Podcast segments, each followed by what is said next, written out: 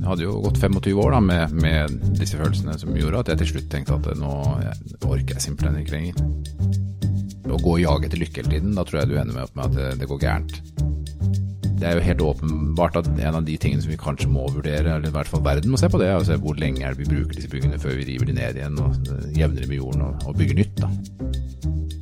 Men jeg tror at det å faktisk skape arbeidsplasser som aksepterer mangfold, altså som skal aksepterer at vi får lov til å komme akkurat sånn som vi er, det tror jeg er utgangspunktet for å i hvert fall utnytte det mangfoldet vi allerede har. da. Bak fasaden med DJ og Rønne. En podkast fra Estate Media. Velkommen til deg, Lars Erik Lund. Du er jo konserndirektør for strategi og bærekraft i Veidekke. Du fikk mye oppmerksomhet etter at du la ut en tekst på Facebook om hvordan du egentlig hadde det. Mediene snappet opp. Kan du fortelle om det? Altså, nå la jeg ikke den bare på Facebook. Jeg var jo livredd for at ikke folk skulle lese den, så jeg la den jo på Instagram og LinkedIn og Facebook og alle stedene jeg kunne gjøre det. Til og med internt på Workplace. Uh, ja, jeg kan forklare litt hvorfor jeg gjorde det, og jeg kan forklare litt hva den inneholdt. da. Men uh, jeg skrev en tekst om hvordan, hvordan min hverdag var, hvordan det var å stå opp om morgenen. Uh, og føler liksom på denne meningsløsheten som jeg, jeg gjør, da. Og hvor, hvor, bedrøvet jeg var, egentlig, er det jeg skrev. Og så skrev jeg litt om hvordan det er å liksom hele tiden gå fryktelig for at uh, folk skal avsløre at du egentlig ikke er god nok til å ha den rollen som å være konserndirektør. Um, og så tror jeg egentlig som mange har bitt seg merke i, er vel at jeg skrev litt at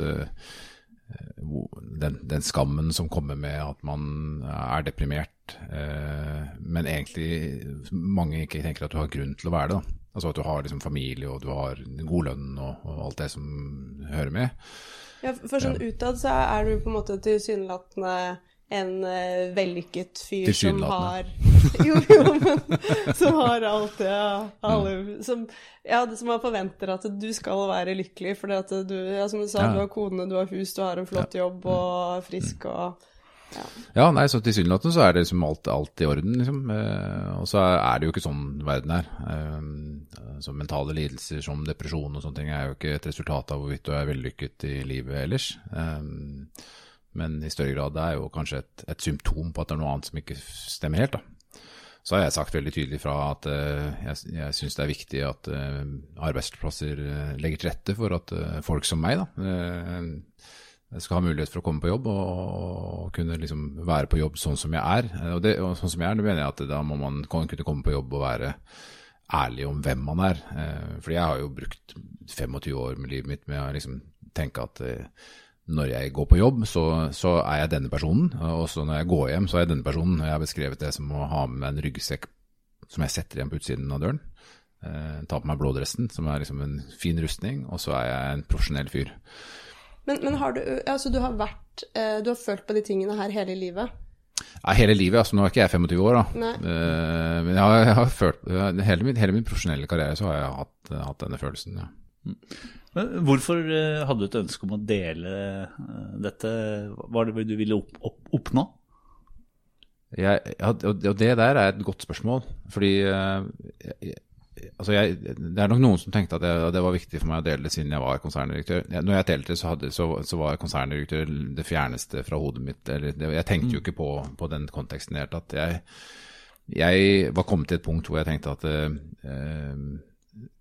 jeg, jeg, var, jeg, altså, har jo jobbet som kommunikasjonsrådgiver, eh, eh, også i krisesituasjoner. Og jeg har lært eh, toppledere at det er viktig å liksom, eie narrativet. Du må eie historien din, eh, sånn at du ikke blir avslørt av folk som dere. Så det jeg tenkte, det var at eh, fremfor å liksom bli avslørt og liksom måtte liksom forklare hvorfor jeg har holdt dette hemmelig så lang tid, så tenkte jeg at det er like greit at jeg eier denne historien helt og holdt. Så, så, og jeg var kommet til et punkt hvor jeg liksom ikke hadde noen annen mulighet. Og så var det en annen ting som gjorde at liksom det ble naturlig for meg å å legge det ut. Eller det ble helt unaturlig for meg å sitte med det. da. Det er at Veidekke har jo HMS-uke en gang i året. Eh, og Vanligvis så når vi har HMS-uke, så diskuterer vi eh, hjelmbruk. Eh, eller mm. synlige arbeidsklær, eller hansker eller briller. Denne gangen skulle vi snakke om, snakke om, om psykisk helse, om det å være åpen om psykisk helse det blir, det blir, veldig odde da, fra å være konserndirektør og vite om hvordan jeg faktisk har det, og tenke at eh, nå skal jeg snakke om hvor viktig det er å være åpen. Så det, så det, det var liksom siste påskuddet som, som, kom på plass, da, som gjorde at jeg tenkte at nå må jeg bare simpelthen eh, offentliggjøre dette. Mm. Og så som sagt så var jeg livredd for at ting skulle lese. da. Det, der tok jeg kanskje feil. Ja, for du har fått mye bra tilbakemeldinger på Ja, det har blitt litt sånn litt overveldende, kan man si. Det er jo ikke, det er jo ikke vanlig for en Jeg er jo en, jeg er jo en ukjent fyr. altså Jeg er jo en relativt usynlig konserndirektør som har gått fra å være en relativt usynlig konserndirektør til å bli en litt mer synlig konserndirektør med, med, med en mental lidelse. Jeg leste jo den NRK-artikkelen, for da var det en av de kameratene dine som ble intervjua. Eh, og han Det var en du syklet med, tror jeg. Mm, mm. Eh, og han var jo helt uvitende om hvor, at du hadde det vanskelig. Mm. Eh, så da har du, har du gått da både på jobb og blant venner Eh, ja, ja. rundt og bare latt som at ting er fint, og så har du Jeg har nok ikke latt som at ting er fint, men jeg har jo eh, valgt å legge Det gjør man jo hele tiden. Man velger å legge en maske over uh, det man velger å, å, å, vise frem. Da. Det er jo sånn at Hvis du ser min Instagram-konto, så er det vel kun de siste to, altså, to månedene at det har kommet poster som ikke dreier seg om at jeg liksom har en, en vellykket karriere som syklist, holdt jeg på å si. Du velger å vise frem akkurat det du ønsker å vise frem.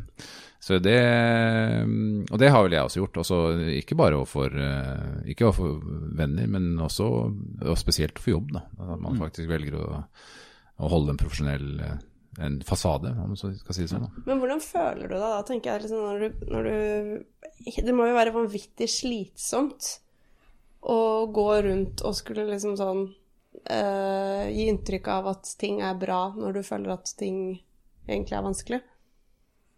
Ja, det var jo det som var. Da. Det hadde jo gått 25 år da, med, med, disse følelsene som gjorde at jeg til slutt tenkte at nå orker jeg simpelthen ikke lenger. Jeg orker ikke å sette igjen den ryggsekken, eller jeg orker ikke å gå og smile. Og så, så har jeg liksom Jeg har jo alle mulige slags Jeg er jo blitt veldig god til det. Eh, til å skjule holdt jeg på å si. Eh, I tillegg til at jeg er kjempegod på det å være liksom, bekymret og bedrøvet. Da. Men, men jeg er innmari god på å liksom altså spøke det bort, eller uh, gjøre ting som, som, gjør at oppmerksomheten trekkes bort fra hvordan jeg har det. Da. Er det litt typisk at menn ikke prater om sånt? Altså, Du og kompisene tar heller en hard sykkeløkt? ja. Altså, det rare er jo at det sykkelmiljøet, der er det jo, der er det jo en ganske god åpenhet.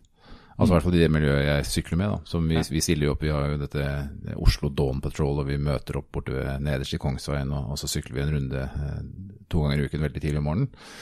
Der møter jeg jo forskjellige folk hele tiden. Um, og der, er, der, der, flyter jo samtalen veldig godt. Det kan nok godt være fordi at man ikke sitter og ser hverandre i øynene uh, når man snakker, ja. men man sitter og ser på liksom, asfalten.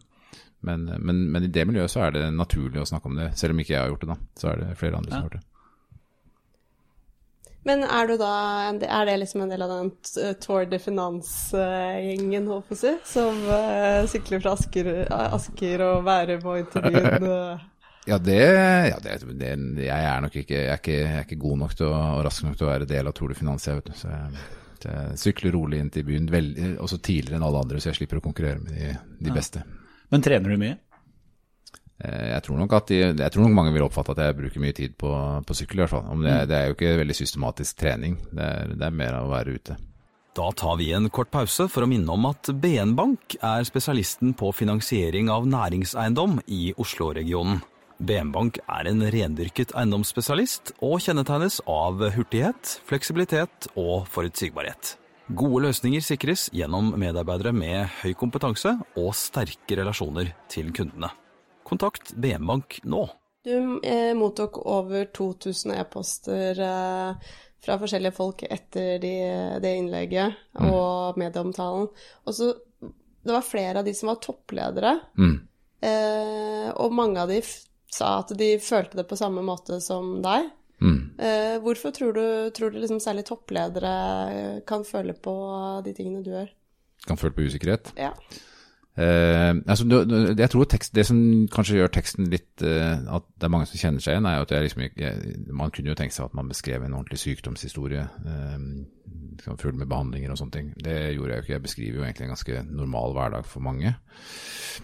Og så tror jeg den, den, dekker ganske mange temaer. Så det er mange som, har, som hekter seg fast i dette med å bli avslørt i forhold til at du ikke er tilstrekkelig god nok, eller at liksom, noen kan oppfatte at du ikke er flink nok til den jobben du har liksom fått. Da.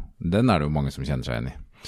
Og så er det mange som kjenner seg igjen i den der det presset. Altså det som oftest kommer opp, det er den diskusjonen at man gruer seg til å dra på jobb på søndag kveld. Altså Allerede tidlig søndag liksom, så går den der, begynner liksom å, å rumle i magen, og du tenker at da så skal til mandag, og så gleder man seg på torsdag til å bli ferdig. Så det er, det er liksom ulike Jeg tenker at det er, det er et veldig stort liksom, spekter av, av emosjonelle reaksjoner da, mellom mellom å ha det helt bra, altså supert, liksom, ting går i orden, til liksom dyp depresjon. Og imellom her så finnes det jo alt mulig rart. Eh, og det gjør nok at det er veldig mange også toppledere som liksom opplever det. Og så er det jo klart at toppledere har Tenk deg hva slags stilling mange av de som sitter som toppsjefer i store børsnoterte konserner liksom føler. Det er jo et enormt ansvar. Eh, det er krevende arbeidssituasjoner, det er vanskelige valg som påvirker mennesker det er helt åpenbart at uh, man også har med seg følelsene inn i det, og at følelsene kan, kan, være vanskelig. Jeg tipper at gjennom pandemien så er det nok flere også som har vært gjennom situasjoner hvor de har tenkt mer enn før da, på hvordan de faktisk har det. Mm. Gjorde du det gjennom pandemien? Altså, jeg, jeg, jeg, trodde jo faktisk at pandemien skulle være en sånn helt sånn lykkegreie for meg, fordi jeg liksom, endelig slapp jeg å liksom snakke med folk. Liksom sånn, ingen skulle vurdere meg mer. Men det, det, sånn var det jo ikke. Det er Snarere tvert imot så vurderer man det, Man gjør det på en litt annen måte. Da. Jeg, jeg ble jo veldig opptatt av hvordan når jeg sendte av gårde e-poster eller tekstmeldinger eller andre ting til folk, altså ikke fikk svar liksom, på en time, det sånn, har jeg sagt noe dumt, hvordan håndterer jeg det? Så det, jeg, jeg syns pandemien rett og slett var vanskelig. Um, og så er jeg ikke spesielt, og det skal jeg være helt ærlig, jeg er, ikke, jeg er jo ikke spesielt mye bedre enn i fysiske liksom, samlinger. Altså, så jeg er jo det går opp og ned der òg. Og jeg er jo ikke det, er jo, det å være åpen om det gjør jo ikke at jeg er blitt liksom, frisk fra depresjonen på en eller annen måte. Så jeg har jo fremdeles dager hvor jeg er, eh, er tungsindig nå. Eh, men nå er jeg kanskje litt flinkere å si fra. Da. Si at okay, det er sånn jeg har det i dag. Eh, så jeg tror i dag er det klokt at jeg liksom lukker døren og ikke har så mye kontakt med folk. Og så er det dager hvor jeg er litt mer oppegående, og da kan jeg være åpen om at nå, nå funker det bedre. Mm. Fordi sånne type kall det mood disorders, da, som man sier på godt amerikansk, det, det er veldig smittsomt. Altså, det er sånn, hvis, hvis, man har det sånn, så er det jo, det er jo trist hvis folk skal liksom ta med seg mine følelser og ta med det hjem. liksom. De må få slippe det.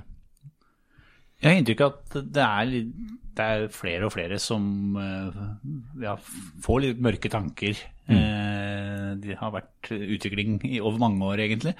Eh, hva tror du er grunnen til det? Ja, det, det, akkurat det vet jeg ikke om stemmer, altså, at man, det er flere og flere som får det. Men jeg tror det er flere og flere som liksom, kanskje er mer åpne om det, vi har blitt ja. mer bevisste.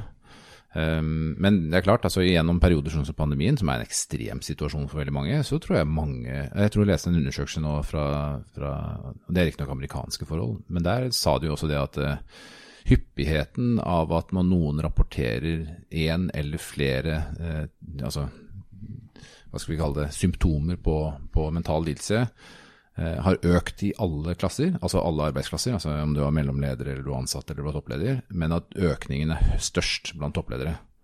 Så det er jo det, jeg, jeg, tror nok akkurat nå så vil du se at det er flere, flere toppledere og flere som faktisk rapporterer om at de sliter med, med, med mentale utfordringer. Da hvorfor man har liksom hatt, fått flere og flere Det er jo blitt veldig mye mer åpenhetskultur rundt liksom, toppidrettsutøvere som Simone Biles og uh, altså type liksom, veldig veldig kjente idrettsutøvere, og veldig veldig kjente influensere som nesten liksom er Det blir en sånn åpenhetstyranni rundt det, liksom. Og det, det, det er jo det, den reaksjonen har jeg fått. Liksom. Det, man må passe seg for at det, liksom, det, blir sånn at det, det fins kun én perfekt måte å være deprimert på, det er å være åpen.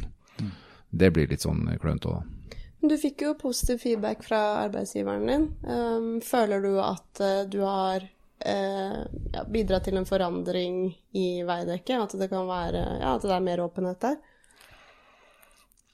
Ja, ja jeg gjør i grunnen det. Altså, jeg, jeg, jeg, hadde jo Altså, jeg har jo jeg har jo nært forhold til konsernsjef Jim Bengtsson eh, i Veidekke, eh, og med mine kollegaer liksom, i konsernledelsen, så jeg var jo åpen med de før før jeg gikk offentlig. Jeg var åpen både med hvordan jeg hadde det, og at jeg kom til å gå offentlig med den saken. Og så var det vel ingen av oss som helt forsto hvor mye oppmerksomhet det ville bli. Um, jeg føler at uh, Jeg føler jo på en vidt altså Håper i hvert fall at jeg baner litt vei. da. Uh, ikke nødvendigvis for at, alt, altså at folk i konsernledelser overalt skal liksom være åpne om sine mentale lidelser, men at, det, vi er jo mennesker, vi òg, og det gjør det kanskje lettere for eh, medarbeidere og andre som er i arbeidslivet å se at det, er, det, er, det kan være klokt å i hvert fall eh, kjenne på at man jeg, jeg, er ikke alene med å ha det sånn, det er også andre som har det sånn. Det tror jeg er viktig.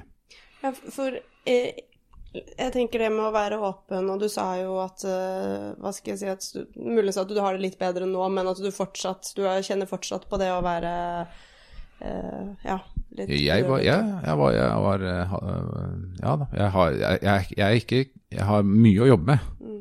Når det gjelder min egen eh, depresjon. Hvordan jobber du med den, egentlig? Eh, nei, jeg har et psykolog. Eh, hyppig møte med psykolog og, og representanter fra helsevesenet. Uh, og, så er det, og så er det jo det, det, er jo mye ting man kan gjøre selv også, utover det å faktisk søke profesjonell hjelp. Men jeg anbefaler jo de fleste som, liksom, som føler at de har nådd et punkt hvor de liksom trenger det, å faktisk søke profesjonell hjelp. Mens eh, altså både det med trening og mindfulness eh, Det med Det er noe som heter det, at som, som, jeg har hatt mye glede av, det er at eh, når man er Dette blir veldig mye prat om det, min depresjon, men når man er tungt og deprimert, så er det litt sånn, det sånn seigt. Og det er litt sånn at man har veldig mye fokus på seg selv. Altså, blir, det er liksom rett og slett litt sånn narsissistisk. Navlebeskuende. Og du tenker egentlig ikke så veldig mye på hvordan andre mennesker har det. Så for min del så var det å være offentlig og se at så mange følte at det var en hjelp de, Og jeg har fått mye henvendelser, ikke Du nevnte tidligere om de som kanskje som toppledere og den type ting, men, men jeg har fått mye henvendelser fra mange andre mennesker som sier at det har vært virkelig hjelpsomt. da. Det å føle at du er til hjelp for andre, det gir jo en egen hensikt og en intensjon i hverdagen i seg selv. Så det, jeg står jo opp med en, selv fremdeles like bedrøvet, men i hvert fall med en, med en følelse av at jeg kan bidra nå. Her hører du noen av de 3500 ansatte som jobber i For Service. Menneskene er vår viktigste ressurs og suksessfaktor. Så når For Service er opptatt av bærekraft, handler det også om den sosiale delen menneskene. Gjennom rekruttering, nye arbeidsplasser, kompetanseheving og riktige samarbeidspartnere jobber For Service for å gi muligheter til mennesker. Også de som i dag står utenfor. Alle må starte et sted. Les mer på forservice.no. Ja, for en ting jeg bare tenker er det samfunnet vi lever i da, så virker det som at alle tror at man skal liksom være lykkelig hele tiden. Men kanskje har man litt sånn feil oppfattelse av samfunnet òg. Det Det er vel ikke sånn eh, Jeg tenker det der eh, Det er vel de færreste som er lykkelig hele tiden. Og er det noe man liksom skal forvente å være? Nei, det tror jeg ikke. Jeg tror, er, jeg tror, nesten ingen er lykkelig hele tiden. Og, tror jeg, jeg tror, og det tror jeg det, hvis du, det kan du sikkert lete opp, men det er nok mange filosofer som vil være enig med deg. Det at det å lete etter, å gå og jage etter lykke hele tiden, da tror jeg du ender med, med at det, det, går gærent. Fordi da vil man jo benytte alle de sjansene man har for å bli lykkelig. Eh, og det, og, og det finnes jo alt mulig rart. Jeg, jeg kjenner igjen det fra at man eh, Litt igjen tilbake til sånn filosofisk ståsted for det. det er at man, liksom, Du kan tenke deg at du har både en selvfølelse, som er sånn hvordan du er du glad i deg selv, og liksom, når du ser deg selv i speilet, liksom, er, det, er, det, noe du respekterer og er glad i? Og det andre er selvtillit. altså Føler jeg at jeg få, at jeg mestrer det jeg gjør, mestrer de tingene jeg har. og liksom, Så selvtilliten min kan være veldig varierende. Jeg kan være liksom en dag en veldig høyt selvtillit, og neste dag eh, ikke så høy. Og så kan jeg fòre den med ting. Altså Jeg kan fòre den med, med, med, oppmerksomhet i form av likes på Instagram og sånne ting. Eller du kan fòre den med kjøp av nye uh, sykkeldeler. Eller du kan fòre den med kjøp av biler eller hus. Uh, og det er måten liksom, du kan regulere det på. Uh, eller oppmerksomhet, for den saks skyld. Men selvfølelsen min den er ganske, den er lav hele tiden. Og jeg har jo sagt det selv, og jeg har sagt det til NRK og jeg har sagt det til andre, at når jeg ser meg selv i speilet, så jeg er ikke spesielt glad i det bildet der. Og jeg, det, det, det, sliter jeg med å gjøre noe særlig med, da. Så hvis selvtilliten min ikke er der, så er det lett for meg at jeg faller ned i depresjoner som liksom henger sammen med min egen selvfølelse. Hvis det makes sense. sense. Ja. Jeg bare lurer på en ting til, for jeg tenker det derre eh, Klarer du noen ganger, selv om du kan føle deg deprimert, eh, å liksom ha det litt fint med det å være en FR? Og liksom selv om man føler seg litt dritt, kan man liksom også like det litt, eller ha det liksom um, Jeg vet ikke om det nei, ja, ja, er forståelig? Nei, jo, det, jo det, jeg kan for så vidt uh, uh, jeg, jeg kan, kan, jeg, at det kan, kan føles litt trygt, og at man også kan på en måte like litt Ja da. Uh, nei, er, jeg er jo veldig vant til å være der. Altså, det er jo min, det er jo min go to place, liksom. Så hvis jeg våkner opp en morgen og alt er veldig bra, så hjernen min på høygir på å finne hva er det som egentlig kan gå galt. Sånn og da er det jo en sånn selvoppfyllende profeti. Et eller annet tidspunkt så ender jeg med at jeg blir nede i den samme dumpa igjen. Men, eh, men, jeg er ikke spesielt glad i det, nei. Det er ikke sånn at jeg liksom tenker at det er et, eh, det er et sted jeg vil være. Men, men, men jeg kan allikevel være ganske så mye av de tingene jeg skriver, eller jeg kan være ganske produktiv f.eks. når jeg er deprimert. Altså hvis jeg, jeg kan bli veldig arbeidsom. Eh, også fordi at jeg er usikker på om Altså hvis jeg er nedfor, så er jeg ofte usikker på om det jeg gjør er bra nok. Da bruker jeg ganske mye tid på å jobbe med det. Da.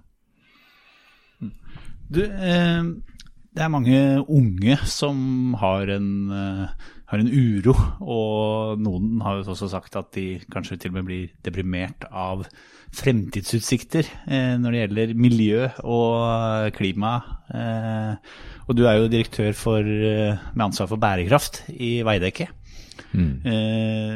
Det jeg lurer litt på, er jo Alle prater veldig varmt om bærekraft i næringslivet, men, men gjør man nok?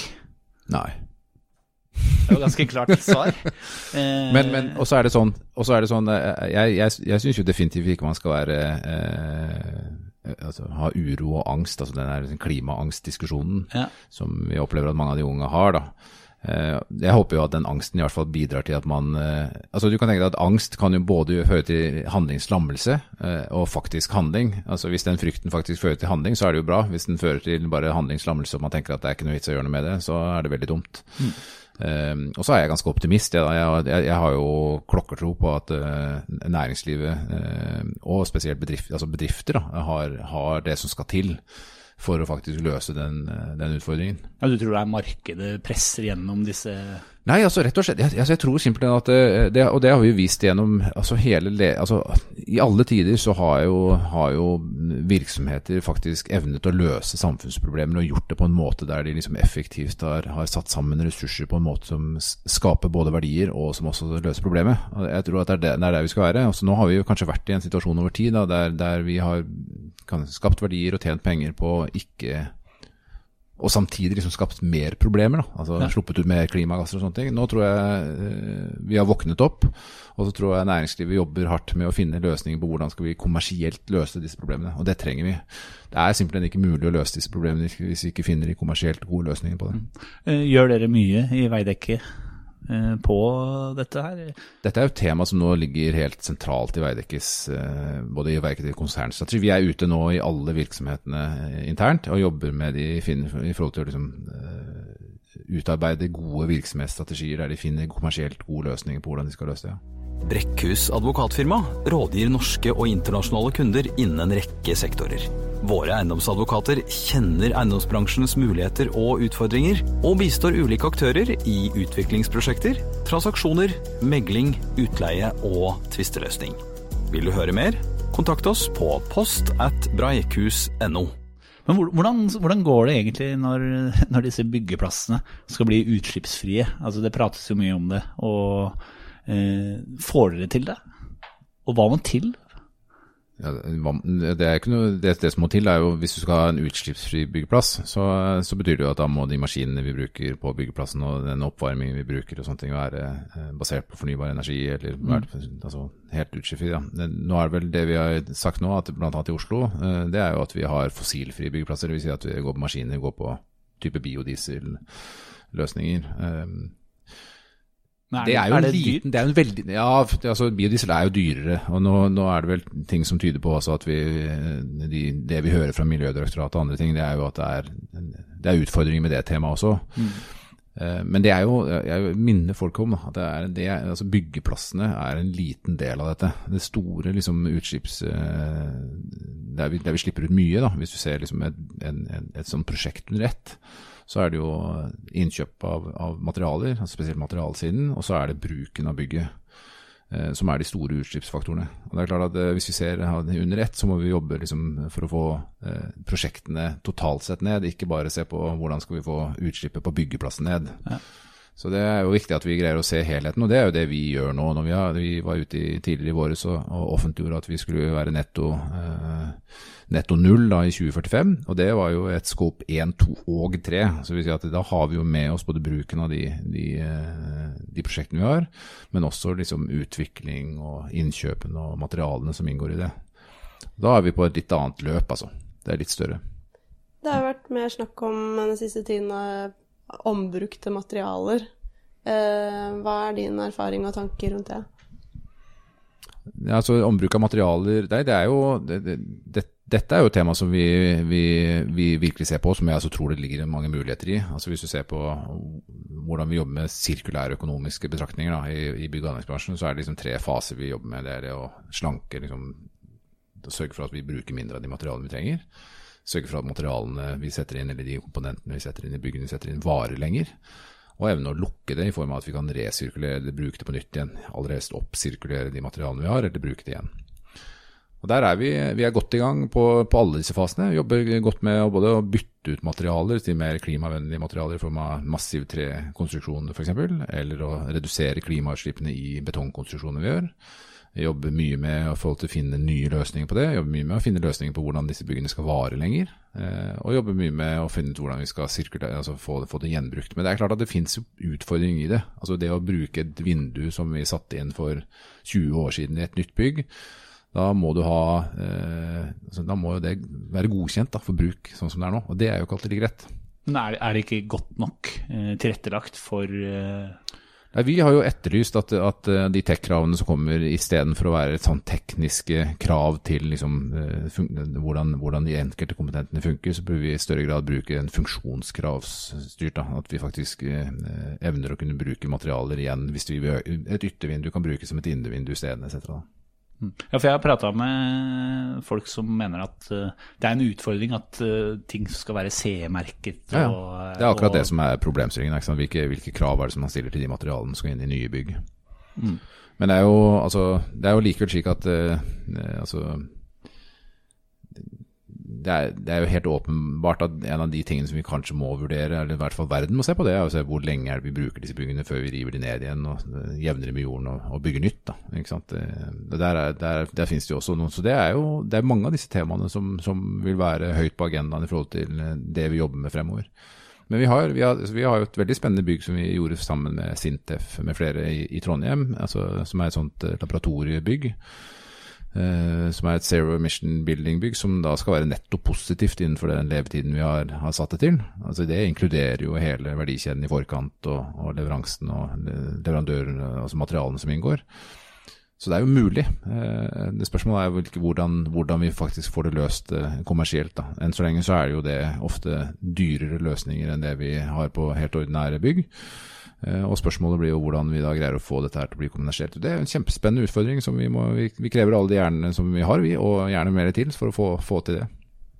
Hvis du kunne endra én ting i dagens samfunn, hva skulle det vært?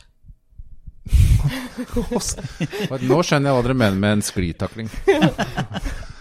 Eh, hvis jeg kunne Én eh, eh, eh, ting? Jeg vet ikke. Nei, det tror jeg ikke jeg klarer å liksom svare på.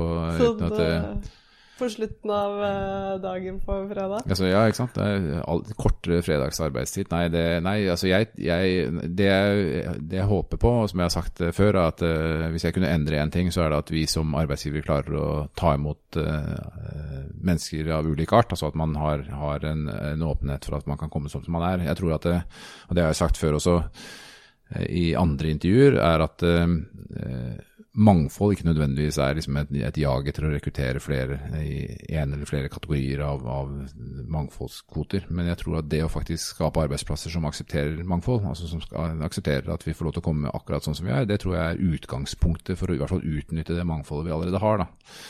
Og så er jo mangfold et fint begrep som, som vi kan ha i tabeller. Eh, og så er jeg mer opptatt, eh, og det, det, skal vi også få til. altså. Er ikke, vi er jo tross alt en bransje som som har 90-10 eh, eller 87-13 eller noe sånt.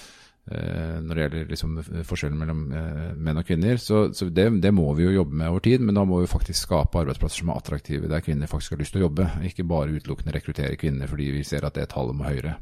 Så det, og det er en jobb vi må gjøre. Og jeg tror at et startpunkt på det, der, det er jo, har jeg sagt før òg, det er at, eh, at, vi kan være åpne også, vi som er menn, eh, som, har, har, som er annerledes. Og da mener jeg annerledes i, i, mitt form, men andre former også. At man kan komme akkurat som man er, som det autentiske jeg. Det har jeg sagt. Bak fasaden med DJ og Rønne. En podkast fra Estate Media.